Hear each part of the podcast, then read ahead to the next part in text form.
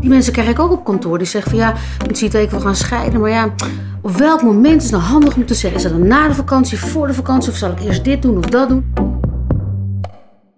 Scheiden is tegenwoordig heel gewoon. Ik deed het zelf ook. Ik denk dat wij die scheiding allebei heel anders hebben beleefd. Ja, die hebben we echt anders beleefd. Ja, ik denk voor mij iets grotere ramp dan voor jou. Welkom bij Scheiden met Stine.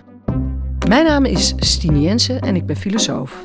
En in deze podcastserie ga ik op onderzoek uit. Wat kost een scheiding? Wat kost een scheiding? Weet jij hoeveel er gescheiden wordt in Nederland? Weet je ook hoeveel complexe scheidingen er zijn in de samenleving? Eh, wie- Wie, wie betaalt de rekening op dit moment? Maar waarom scheiden we eigenlijk? En er zijn eh 1 miljoen redenen waarom mensen uit elkaar kunnen gaan. En meestal zijn het er 500.000 tegelijkertijd. En wat zijn de gevolgen ervan voor onszelf? Je zit in een tijdloze zone. Alles is afgebroken en er is nog niks opgebouwd. Voor onze kinderen? Als ik bij papa ben, dan mis ik jou. Maar als ik bij jou ben, mis ik mijn papa.